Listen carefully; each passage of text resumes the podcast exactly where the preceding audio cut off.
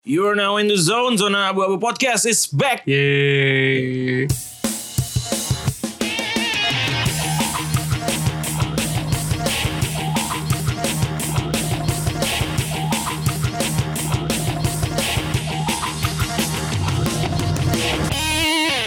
Welcome back to Zona Abu Abu Podcast bersama gue Alvin setelah absen kira-kira tiga bulan karena kesibukan dan lain hal. Kini Zona Abu Podcast kembali bersama bintang tamu yang baru pertama kali menginjakkan kaki di eh, nggak bisa gue bilang studio rekaman Zona Abu Podcast sih karena ini lagi di salah satu cafe dekat rumah bintang tamu kita ini gitu. Nah, perkenankan gue untuk memperkenalkan Melisa. Halo Mel, apa kabar? Hai Alvin, baik. Baik ya. Um, Gue jadi grogi cuy. Nggak apa-apa, nggak apa-apa. Em, kesibukan sehari-hari ngapain kalau boleh tahu? gue kerja sebagai graphic designer di salah satu perusahaan. Jadi gue itu menghandle biasa sih media sosialnya gitu. Oke. Nah ini perusahaan bergerak di jual beli alat-alat jahit, Oke. Em, berarti startup. startup. Startup ya. Oke. Oke, oke. Kita mau bahas suatu topik nih yang mungkin jutaan orang belum menyadari bahwa melakukan hal ini tuh sebenarnya tidak nih correct me if I'm wrong ya, tidak se sesengsara itu. Ini trader nih jutaan orang. Saya Alvin Setiawan, trader profesional. Em, jadi ini alasan utama gue ngajak Melisa ke Zona Abu Podcast karena dari antara circle pertemanan gue dia yang paling nyata nih dan aktif juga di sosial media untuk sharing mengenai penurunan berat badan. Jadi kalau lu follow kalau lu follow Instagramnya Mel di mana username-nya? Melisa underscore Dawson. Iya. Follow ya. follow silakan di follow itu banyak banget yang dia share tiap harinya gitu Eh, ya belum tentu tiap hari sih ya tapi tapi banyak lah yang dia share mengenai tips-tips atau apa pun mengenai penurunan berat badan Sebenarnya gue masih random sih share-nya. oh iya ya tapi karena itu topik yang mau kita angkat tapi itu Iya, ada itu- kan itu ada. ada kan ada kan Oh, Salah satu topik yang cukup sering gue update di Instastory sih lebih Yep. tepatnya. Yep, betul Ah, Mel kalau boleh tahu lu udah berapa lama menjalani ini program bisa gue bilang diet gak sih Eh, Sebenarnya kalau program sendiri udah selesai ya. Eh, Oke. Jadi gue ikut pro- satu program di mana gue dimentorin selama tiga bulan di situ. Nah kan gue mulai tuh dari April, April tanggal 1, April, Mei, Juni. Berarti Juni tanggal 1 tuh udah kelar itu kan. Oke, Juni, Juni, Juli lah. Juli Oke. tanggal 1 berarti udah udah beres semuanya. Hmm, sekarang tinggal maintenance saja sih karena pada akhirnya setelah gua tiga bulan dididik maksudnya untuk terbiasa dengan pola yang baru kenapa harus tiga bulan? Kayak kita membentuk pola yang baru untuk bisa lebih tahan lama oh I see, I see. Nah, jadi Iya, begitu iya, selesai diet lu nggak rebound gitu. I see, eh rebound. Re- balik, re- rebound rebound iya, nggak balik rebound. ke pola hidup yang lama lah ya. iya gitu. Obviously nggak gratis ya. enggak lah. Ada harganya lah pak. Lu boleh share nggak sih udah eh, udah turun berapa gitu?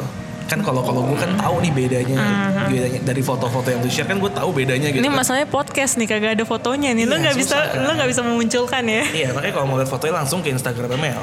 Tapi di podcast mungkin bisa lu kasih tahu aja "Hmm, turun berapa kilo sih atau Eh, sebenarnya kalau dari statistik ya, eh, gue tuh mulai diet sebenarnya eh, pas awal-awal tuh 60 hampir 65 berat badan gue. oke. Hampir ya. Cuman karena gue sempet kayak ngeyel, nggak mau ikut program, mau, maunya asal-asalan. Jadi gue kayak naik turun naik turun gitu. Kadang-kadang 62, kadang-kadang 63, kadang-kadang 64. Kalau lagi bablas 65 lagi gitu. Oke. Jadi selalu di angka pokoknya paling mentok 65, paling rendahnya tuh 62. Nah, gue start bener-bener program itu 62 sebenarnya. 62. Oke. Sekarang enam- eh sekarang gue kan udah berapa bulan ya? Terakhir gue pokoknya selesai Juni Juli udah udah udah beres. Sekarang itu stabil di angka 55. Kalaupun naik ya naik sekilo doang kayak abis makan gitu. Jadi 56 gitu.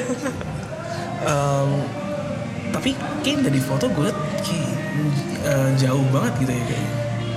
Karena sebenarnya yang kebanyakan orang tidak tahu mereka tuh mikirinnya diet itu cuman just about yang penting gue turun angkanya. Sebenarnya kalau lu mau lebih jauh lu harus mikirin gimana cara caranya nurunin lemak. Ah, make sense sih.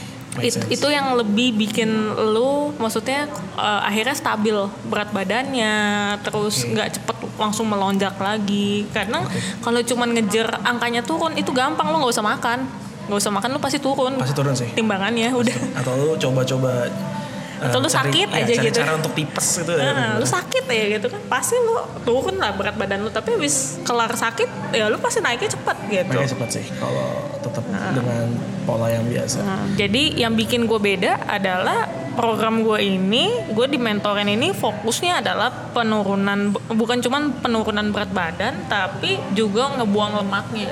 Intinya di sana. Jadi eh, gimana caranya ngebakar eh, apa si lemak itu yang ada di perut? Sebenarnya yang yang yang orang juga nggak tahu. Dia pikir kan lemak ya udah lemak aja. Tapi lemak itu ada beberapa sebenarnya. Ada lemak di bawah kulit itu yang paling gampang turun dan paling gampang dibakar hanya dengan olahraga pun bisa. Oke. tapi yang paling susah itu lemak perut atau yang kita sebut visceral fat makanya itu yang kenapa bikin orang tuh buncit kok om-om kayak perutnya membelendung gitu. Atau misalnya lihat pemuda kok perutnya maju banget. Nah itu namanya lemak perut atau visceral fat gitu. Itu Itu yang susah ya? itu yang susah sebenarnya Oke. dan banyak orang yang cuman mikir eh, kayak maksudnya dia pakai timbangan di rumah tapi kan cuman angkanya doang tapi dia nggak tahu visceral fatnya tuh tingginya berapa lemak di bawah kulit lu berapa tingginya gitu Itu diukur ya apa? Heeh, itu diukur secara eh, gue sampai akhirnya gue beli timbangannya sendiri sih gitu Oh, ada timbangan yang khusus untuk fatnya. iya ada Wow. sebenarnya lu kalau nge-gym kan juga ada tuh yang kayak timbangan yang bisa ngedeteksi lemak, terus berat eh, otot tulang gitu-gitu gitu segala macam. Eh otot tulang, tulang sama masa otot gitu kan. Itu ada, tapi kalau gue cuman fokusnya ke lemak sih. Lemak sama otot gitu. Oke. Jadi ketahuan.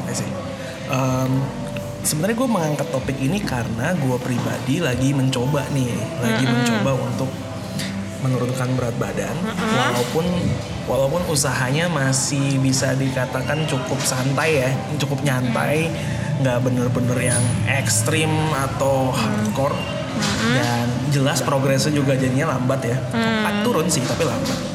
Cepat kemarin gue tiga hari turun 5 kilo karena gue infeksi usus. Oh, Oke oke. Itu Ya, Itu kan lima karena tuh. sakit kan. Karena sakit. gue nggak bisa makan ya tentu turun lah. Udah gitu buang air terus karena ada turun cepet banget 5 kilo. Em, dan yang memotivasi gue adalah ini yang selalu gue bilang ke orang-orang sih. Nah, kalau nyokap gue ngomongnya selalu turunin lah berat badan demi kesehatan. Tapi kalau gue nggak mau munafik orangnya gitu, gue pengen turunin berat badan karena gue pengen lebih good looking aja. Gitu. gue gue tuh ya kalau dengan berat badan yang over itu kan pasti ada pakaian-pakaian yang nggak bisa kita pakai gitu kan. Pakai jas sesek ya gitu. juga kayak kok nggak nggak gitu bagus gitu ya. Terus kalau gue tuh sebenarnya orangnya cukup cukup fashionista ya asik dalam artian gue gue seneng baju-baju yang cukup nyeleneh gitu loh. ya. Tapi itu nggak bisa nggak jarang yang ada ukuran gue gitu. Jadi gue pengen dan itu alasan gue gue nggak mau munafik. Tapi gue harus bilang bahwa nggak semua orang seperti itu. Pertanyaan gue adalah what motivates you to do this? Sebenarnya ada ada banyak sih eh, kenapa pengen kurus gitu. Gue ceritain yang pahitnya dulu kali ya. Boleh?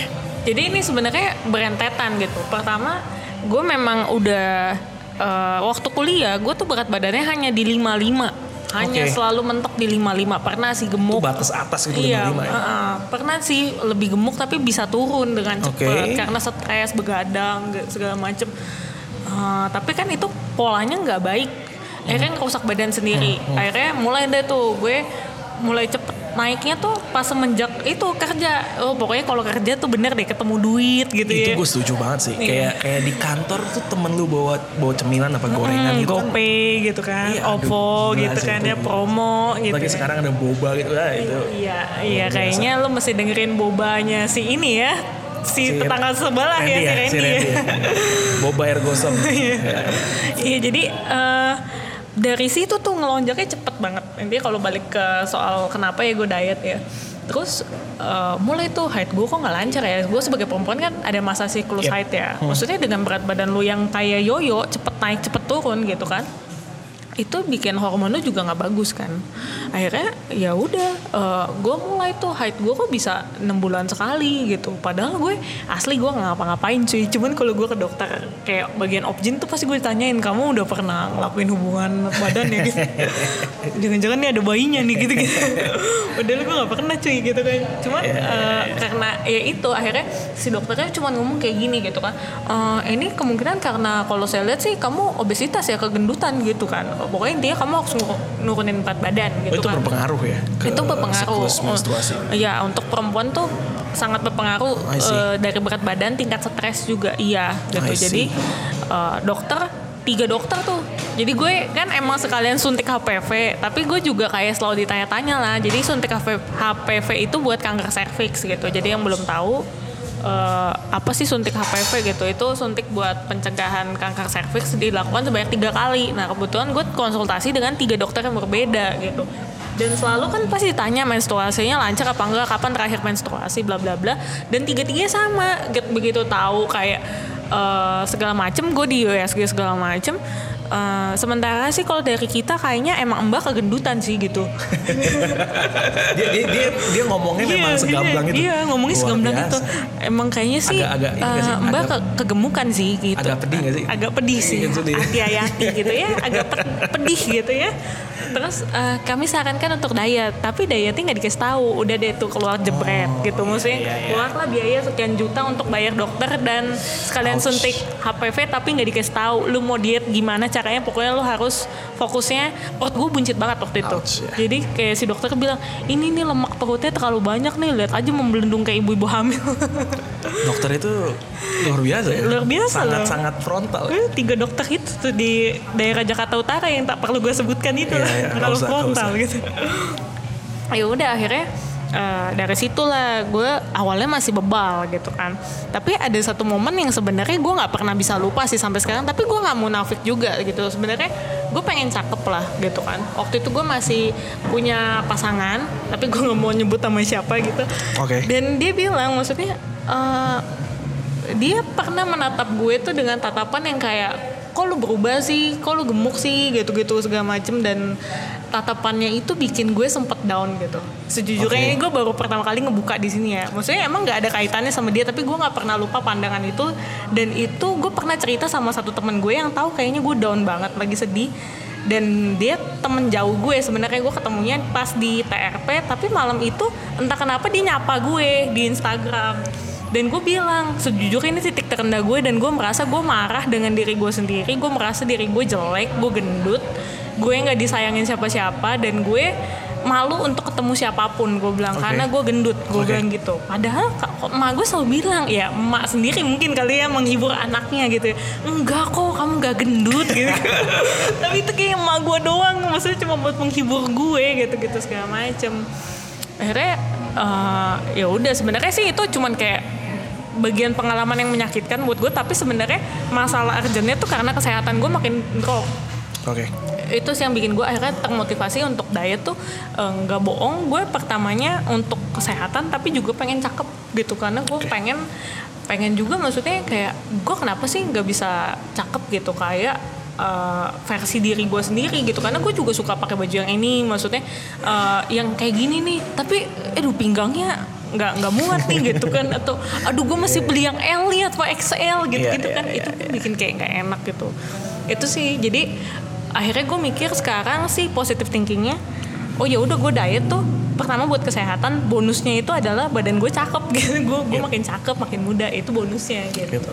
Em, selama tiga bulan pertama yang bilang lu ikut program itu tuh, tantangan utama lu apa sih dalam menjalani program itu? Pasti kan di awal eh, mungkin sulit gak sih? Hmm, gue sih jujurnya sih enggak sih Oh enggak ya? Wow. karena enak banget sih gue itu diet terenak sih menurut gue Oh, Oke. Maksudnya gue bener-bener diarahin, dibantuin sama mentor. Gue ada ada minum beberapa suplemen juga yang membuat gue tidak kelaparan gitu.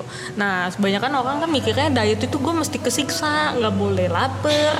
eh, maksudnya gue harus kelaparan, memkondisikan diri gue kayak puasa badannya gitu Iya, kan. iya, iya, nah itu yang bikin badan lu sebenarnya metabolismenya makin udah nggak bener makin kacau gitu. Jadi ibaratnya tiba-tiba lu ngekat semua makanan yang harusnya badan lu butuhin buat tenaga tiba-tiba nggak ada.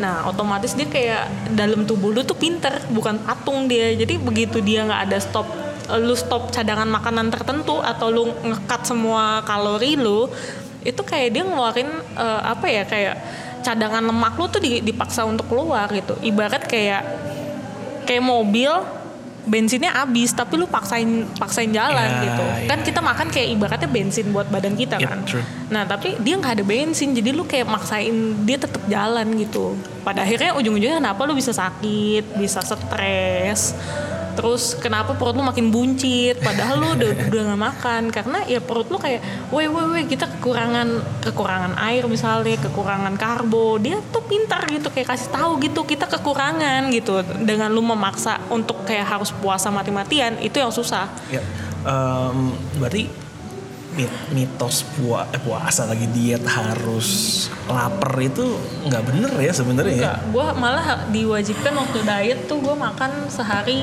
lima kali. Oh wow, wow, lebih banyak dari biasanya. Gue gue diwajibkan makan lima kali, bayangin. Jadi polanya tuh ada sarapan pagi uh, masih makan biasa aja gitu, tapi bukan makan kayak um, jeroan, nasi uduk, indomie enggak okay. gitu. Cari protein yang sehat atau karbo kompleks. Biasanya sih kita lebih saranin sih protein sehat lah gitu karena lemak lo lagi tinggi. Jadi harus dilawannya sama protein. Kedua, makan siang. Makan siang kayak orang normal lo boleh makan kayak gini, boleh banget gitu kan oh, segala okay. macam. Kayak gini tuh apa maksudnya? Orang nggak uh, maksudnya kayak gini tuh yang si Alvin pesen tuh ada stick ayam ya, stick ayam apa sapi, sapi gitu, sapi. dipanggang, terus ada telur, ada nasi itu masih boleh makan. Oke. Okay. Terus boleh tambahin sayuran sebanyak-banyak sepuas-puasnya lo. Oh, kok sayur tuh? Karena sayuran boleh, tuh silakan ya. Uh, asal bukan digoreng ya, bukan kol, kol goreng. Ya, uh, kol goreng, terong goreng, bukan gitu. Okay. Maksudnya sayuran rebus lu mau mau sebanyak apa pun itu kalorinya kan rendah sebenarnya gitu kan. Tapi ya itu uh, gue diajarin untuk bikin makanan yang uh, apa ya, yang bikin lo enjoy selama diet. Bukan gak boleh makan ayam, gak boleh makan steak, lu masih boleh makan steak mah. gitu asal ya pemilihannya yang tepat dan cara masaknya sih maksudnya lo lebih memilih cara cara masak tuh jangan yang kayak Kentucky Kentucky kan bener-bener digoreng Goreng. parah gitu kan Nah, lo masih boleh numis. Jadi orang yang bilang cuma boleh rebus dan yang tawar itu salah banget karena garam apa ya kayak garam micin atau yang kayak lada itu boleh kalau pakai sedikit-sedikit untuk memberikan rasa gitu asal porsinya mungkin tepat ya uh -uh. jadi kalau dibilang wah lu nggak boleh diet ini nih misalnya diet mayo kan pantang banget tuh sama garam yeah, kan. yeah, pokoknya yeah, harus yeah. semua hambar tawar dan tidak berasa gitu. Lu butuh garam kok tetep gitu. Ya yeah, emang emang garam itu kan mengandung zat yang diperlukan untuk tubuh uh, sebenarnya. uh, uh, jadi tetap boleh berasa. Terus gue kalau misalnya lapar nih sebenarnya kan dari pagi misalnya gue bangun pagi gue udah sarapan nih. Tapi nunggu ke jam 12 gue kelaparan. Nah itu gue boleh snack. Sebenarnya gue boleh makan gitu. what kind of uh, snack yang bisa lu misalnya gue mau makan apa ya hmm, tergantung sih tergantung selera dan mood gue. Biasanya sih gue buah buah oh, potong. Buah. Okay. atau misalnya kalau lagi lagi otak gue kerajinan nih gue pengen bikin oat oh tapi nggak banyak-banyak juga gitu. Istilahnya kayak emang cuman waktunya snack gitu kan. Paling dua sendok oat gitu kan. Okay. terus gue tambahin buah sama susu gitu kan. Buah tapi nyemilnya nggak gorengan gitu uh, sekarang sih gue agak bandel sih. Kadang-kadang oh, gorengan satu gitu. Iya. Nggak kayak telur gulung atau enggak enggak, enggak. Okay. jadi emang snack snack tuh pasti ada. Kalau lo merasa nunggu ke jam 12 kelaparan. Nah takutnya kenapa lo butuh snack gitu kan makan lagi gitu. Supaya nanti pas jam makan siang lu nggak kebablasan. Nah itu yang kenapa bikin orang tuh makannya double porsi gitu kan karena dia udah kelaparan banget gitu yeah. dan lu tahan-tahan iya, gitu yeah, yeah, yeah. nah mentor gue selalu bilang gitu nggak lu nggak boleh kelaparan di metode diet ini bener-bener lu nggak boleh kelaparan lu kalau lapar lu harus makan menarik ya sebenarnya. Dan ya udah jam 12 makan siang kayak biasa tadi gue bilang. Terus nunggu ke makan malamnya kan lama lama juga kan 12 ke 5 atau ke 6 kan. Biasanya kan lama juga. Itu lu boleh snack jam 3 jam 4 lu misalnya mau makan roti gandum gitu kan satu slice pakai peanut butter sedikit gak apa-apa gitu. Atau selai buah gitu gitu boleh kok gitu kan segala macam. Atau lu makan buah lagi misalnya. Terserah lu. Kadang gue kalau ke kantor ya gue bawa satu box buah banyak gue bagi dua gitu. Buah buat pagi sama siang udah malamnya gue ganti ke real, eh, meal replacement kayak susu gitu sih. Untuk malamnya supaya gue nggak terlalu banyak makan kan. Karena kan malam sebenarnya lu nggak butuh banyak makan Yap, sebenarnya. karena udah nggak ada aktivitas kurang Heeh, lebih. kecuali lu siang ke sore lu masih butuh apa gitu. Atau lu mau nge-gym gitu kan ya udah lu butuhnya sebenarnya bukan nasi goreng tapi lu butuhnya sebenarnya ya itu meal re- replacement lu tuh biasanya bentuknya susu protein kan nah lu butuh itu sebenarnya untuk bantu lu recovery setelah lu olahraga otot-otot lu segala macem nah, gitu. Jadi lima kali Lima kali. Berarti terakhir tuh di susu itu ya? terakhir di susu itu terus eh, empat jam kemudian biasanya badan lu udah ngantuk sih Oh, Oke. udah Oke. ngantuk jadi ya udah tidur nah sebenarnya kalau paling bagus tuh makan terakhir tuh 4 jam sebelum lu tidur Oke. Boleh. Jadi jadi sebenarnya kan ada yang bilang makan malam tuh nggak bagus kayak makan tuh harus di bawah jam 7 gitu. Tapi sebenarnya boleh disesuaikan gitu eh, sampai 4 jam sebelum tidur. iya jangan terlalu deket antara jam tidur sama jam makan sih Jadi sebenarnya misalnya misalnya misalnya gue tidur jam 12 nih misalnya. Hmm. Jadi kurang lebih gue boleh makan terakhir tuh jam 8. jam 8 I see, I see, I see. Nih kalau di obviously gue nggak bakal nanya detail metodenya ya karena kan itu program. gue mau nanya apa yang paling diharamin? Maksudnya ya kayak pada umumnya aja sih sebenarnya selama program itu eh, gorengan yang kayak KFC gitu-gitu itu sih yang benar-benar musuh terbesar ya gitu selebihnya sih lu masih bol eh, oh duren. Gue lupa buah-buahan yang nggak dibolehin tuh duren. Tunggu nggak satu. doyan makan durian jadi aman. duren Eh, sementara kan karena kita mau fokusnya buang lemak ya terus kayak lu pilih buah juga jangan oh kan boleh makan buah dan sayuran apa aja ya gitu kan. Maksudnya terus lu makan duren gitu. Wah itu nggak boleh. Maksudnya lu harus tahu juga ada buah-buah tertentu yang kalorinya terlalu tinggi dan lu makan jadi over. Kayak pisang. Pisang sebenarnya bagus dimakan satu tapi kan ada orang yang nggak bisa makan pisang satu ada yang kadang-kadang makan tiga tiga dikali satu pisang tuh kalorinya tinggi loh gitu maksudnya nah jadi maksudnya kalau lu cuma makan sesekali makan pisang gitu ya udah oke gitu masih masih dalam batas yang wajar normal tapi lu makan satu sisir sendirian ya ya itu jadi over Yep. alpukat juga kan tinggi Alpukat lemak juga tinggi. Heeh, jadi kalau lu mau makan sewajarnya jangan kayak oh ya udah nih satu alpukat full gue makan sendirian gitu-gitu terus lu ngolahnya juga gak bener gitu jadi tambah banyak eh, kalori yang masuk ke badan. Jadi memang kalori itu eh, apa asupan kalori itu penting banget ya. Sebenarnya sih nggak nggak harus dihitung sih. Gue sendiri jujur gak pakai kalkulator hitung-hitungan ya. Kan ada yang ekstrem banget ya. ada ada ada. Ya, ada. yang pakai fat secret lah, Iya, apalah iya, iya. gitu ya. Iya, Terus ka- makanan di foto, dihitungin kalorinya, pala lu pusing deh. Iya, gue gue gue sempet coba download tapi nian kayak anjir repot banget. Akhirnya gue nggak pakai lagi. Udah lah, kurang lebih takar-takar sendiri aja gitu. Yang, yang mana yang rendah, mana yang tinggi kan kayak harus. Iya, harusnya kan kurang lebih lu udah udah udah tahu gitu kan. Sebenarnya eh, kalau lu mau turun berat badan, ini prinsip yang paling paling bisa diterapin ya. Maksudnya paling basic. Lu kalau mau turun berat badan, intinya lu harus tahu kalori per hari lu butuhnya berapa. Yep. Nah, beberapa timbangan yang gue bilang kalau dia udah spesifik banget sampai dia tahu jenis kelamin lu, umur lu, sampai tingkat kadar lemak lu, dia bia- biasa akan bisa ngitung nih. Oh, kebutuhan harian gue nih sebagai normalnya cewek ya. Kalau misalnya naik timbangan yang biasa gue naik, cewek itu pada umumnya cuma butuh 1100 kalori sampai 1200 maksimal Wow. kalorinya. Kalau laki-laki maksimal 1400. Lebih dari itu biasanya obesitas bisa dipastikan. Misalnya pas lo naik nih Vin, ternyata lo butuhnya 1800 per hari, berarti lo obesitas pasti Iya, iya. ketahuan gitu Iya, maksudnya. iya. Karena itu normalnya, maksudnya itu aktivitas normalnya ya. Kecuali lu seorang binaragawan gitu atau lu olahragawan itu kalorinya pasti lebih tinggi karena lu butuh tenaga lebih banyak True. gitu. Lu kan ngeluarin kalori banyak. Nah, jadi di antara 1200 itu kalau lu mau turunin berat badan ya udah lu makan aja 1000 kalori. Itu pasti turun deh berat badan lu misalnya. Jadi ada selisih kayak kalau dari lu mungkin selisih 200 kalori itu ya. 200 atau kalau lu mau pertahanin berat badan lu ya udah 1200 aja setiap hari makannya gitu. Atau lu imbangin sama olahraga gitu kan. Sama juga kalau lu mau naikin berat badan nih, oh gue pengen naikin berat badan. ya udah misalnya kebutuhan hari lu, harian lu harusnya 1200 ya udah lu makan lebih dari itu pasti lu gemuk besok besoknya gitu lu jalanin aja satu bulan pasti gemuk deh Oke.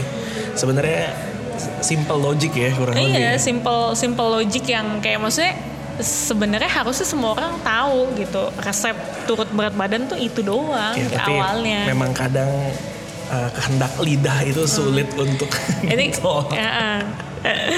ya, kalau cuma mau ngomongin soal turun berat badan sesimpel itu. Tapi kalau mau ngomongin soal penurunan lemak Wow. naikin massa otot itu yang agak ribet. Dan Ya, ya, kalau lu udah mendalami di sisi itu biasanya berat badan lu nggak gampang rebound jadi kan kenapa tuh ada cewek-cewek yang bilang perasaan sebulan yang lalu gue udah turun 5 kilo kok. Minggu ini gue naik 5 kilo atau satu bulan kemudian gue naik 5 kilo gitu kan. Naik lagi cepet karena lu fokusnya cuma turun berat badan doang. Kan gampang emang yap, rumusnya. yap.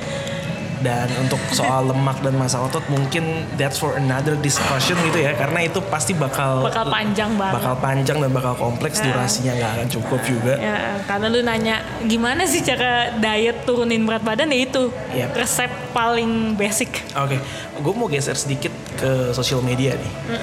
Em, lu kan seperti yang gue bilang tadi cukup sering untuk share. Sebenarnya banyak sih yang lu share ya sebenarnya.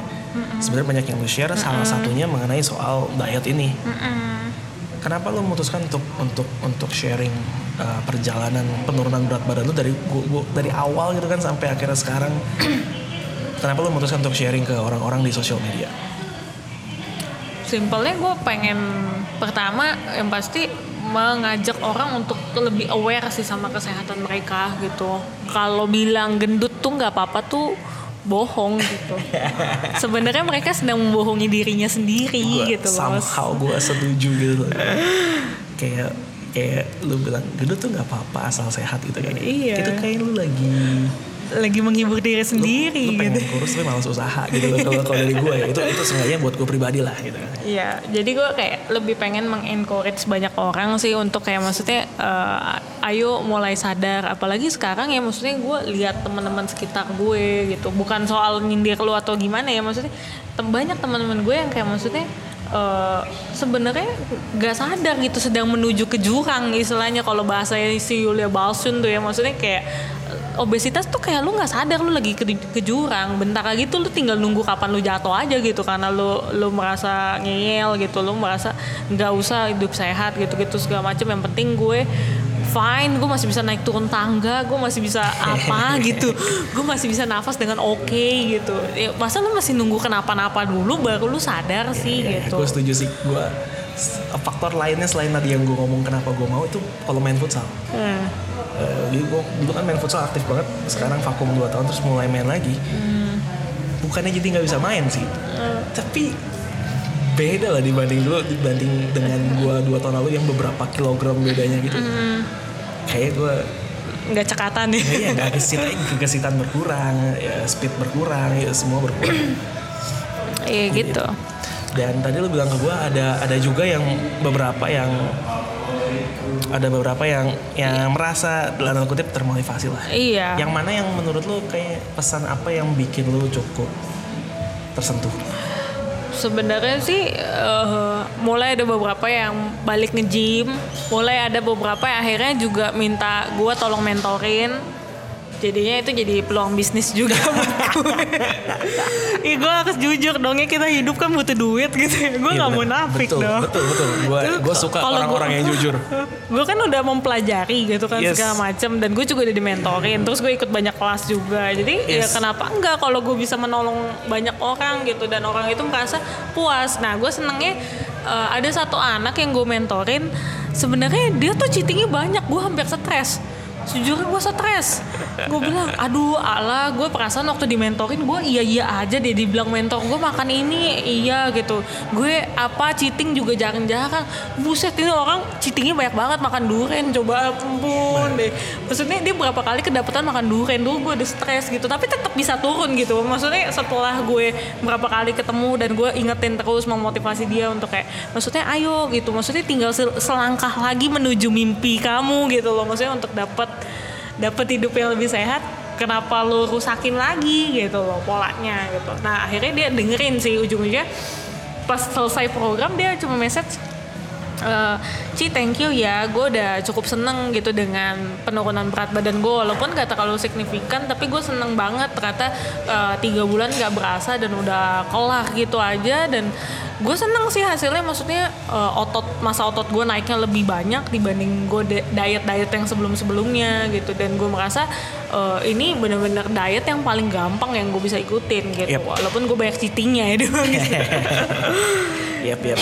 Um, nanti mungkin buat yang tertarik ya bisa hubungin Mel aja lah ya. Iya. Tadi Instagramnya kan udah dikasih tahu ya di Melisa underscore Dawson Oke ini durasi kita udah setengah jam. Mm-hmm. Terakhir Mel mungkin lu boleh ngasih kata-kata encouraging lah buat mereka yang baru mau atau sedang dalam proses penurunan berat badan. Sebenarnya diet itu ada banyak macam sih ya. Maksudnya ada diet yang buat memang nurunin berat badan, ada yang buat kesehatan, ada yang buat naikin masa berat badan gitu. Intinya lu mau diet apa pun, lu harus inget goal lu apa gitu. Karena itu yang akhirnya membuat lu termotivasi terus. Yang misalnya lu sering apa KO di tengah jalan, ketika lu lihat goal lu lagi, lu harusnya jadi lebih semangat lagi gitu untuk kembali ke track yang benar gitu. Wajar dan manusiawi banget sih kalau misalnya lu dalam diet pasti ada masa kayaknya gue bosen, kayaknya kok nggak ada progres apa-apa, Ya. kayaknya kok gue stuck-stuck aja, lemak gue kok di sini-sini aja kok, perut gue masih bergelambir gitu. Ya lu tuh istilahnya diet itu ya seumur hidup lu gitu, maksudnya ini lifestyle gitu, bukan cuma satu minggu kelar gitu. It's a marathon not a sprint ya. Iya, jadi santai aja gitu. Ada masa-masanya lu pasti ngalamin ngeliat kaca, kayaknya masih buncit-buncit aja. jangan jangan quit gitu. Keep fighting. Kalau kata pemain NBA Joel Embiid, trust the process. Asik. iya. Mel, thank you banget udah main ke Zona Abu Podcast. Iya, sama-sama seneng banget bisa diundang di Ya, sini sama Alvin. mudah-mudahan nanti ada kesempatan lain untuk membicarakan mungkin topik-topik yang lain di Zona Abu Podcast uh, di masa depan ya sama Mel lagi. Iya, amin amin amin. Amin. Nanti thank you sekali lagi buat Melisa dan thank you juga buat yang mendengarkan Zona Abu Podcast perdana setelah kurang lebih tiga bulan. Mudah-mudahan habis ini akan Rajin bisa rutin ya. terus ya. Mudah-mudahan udah gak terlalu sibuk menjelang akhir tahun ini. Oke guys, eh, jangan lupa juga untuk dengerin terus Royal Rumble Podcast buat yang menggemari WWE dan Pro Wrestling. Follow Instagram dan Twitter di Royal Rumble ID dan sekali lagi jangan lupa juga follow Melisa di @melisa underscore Dawson.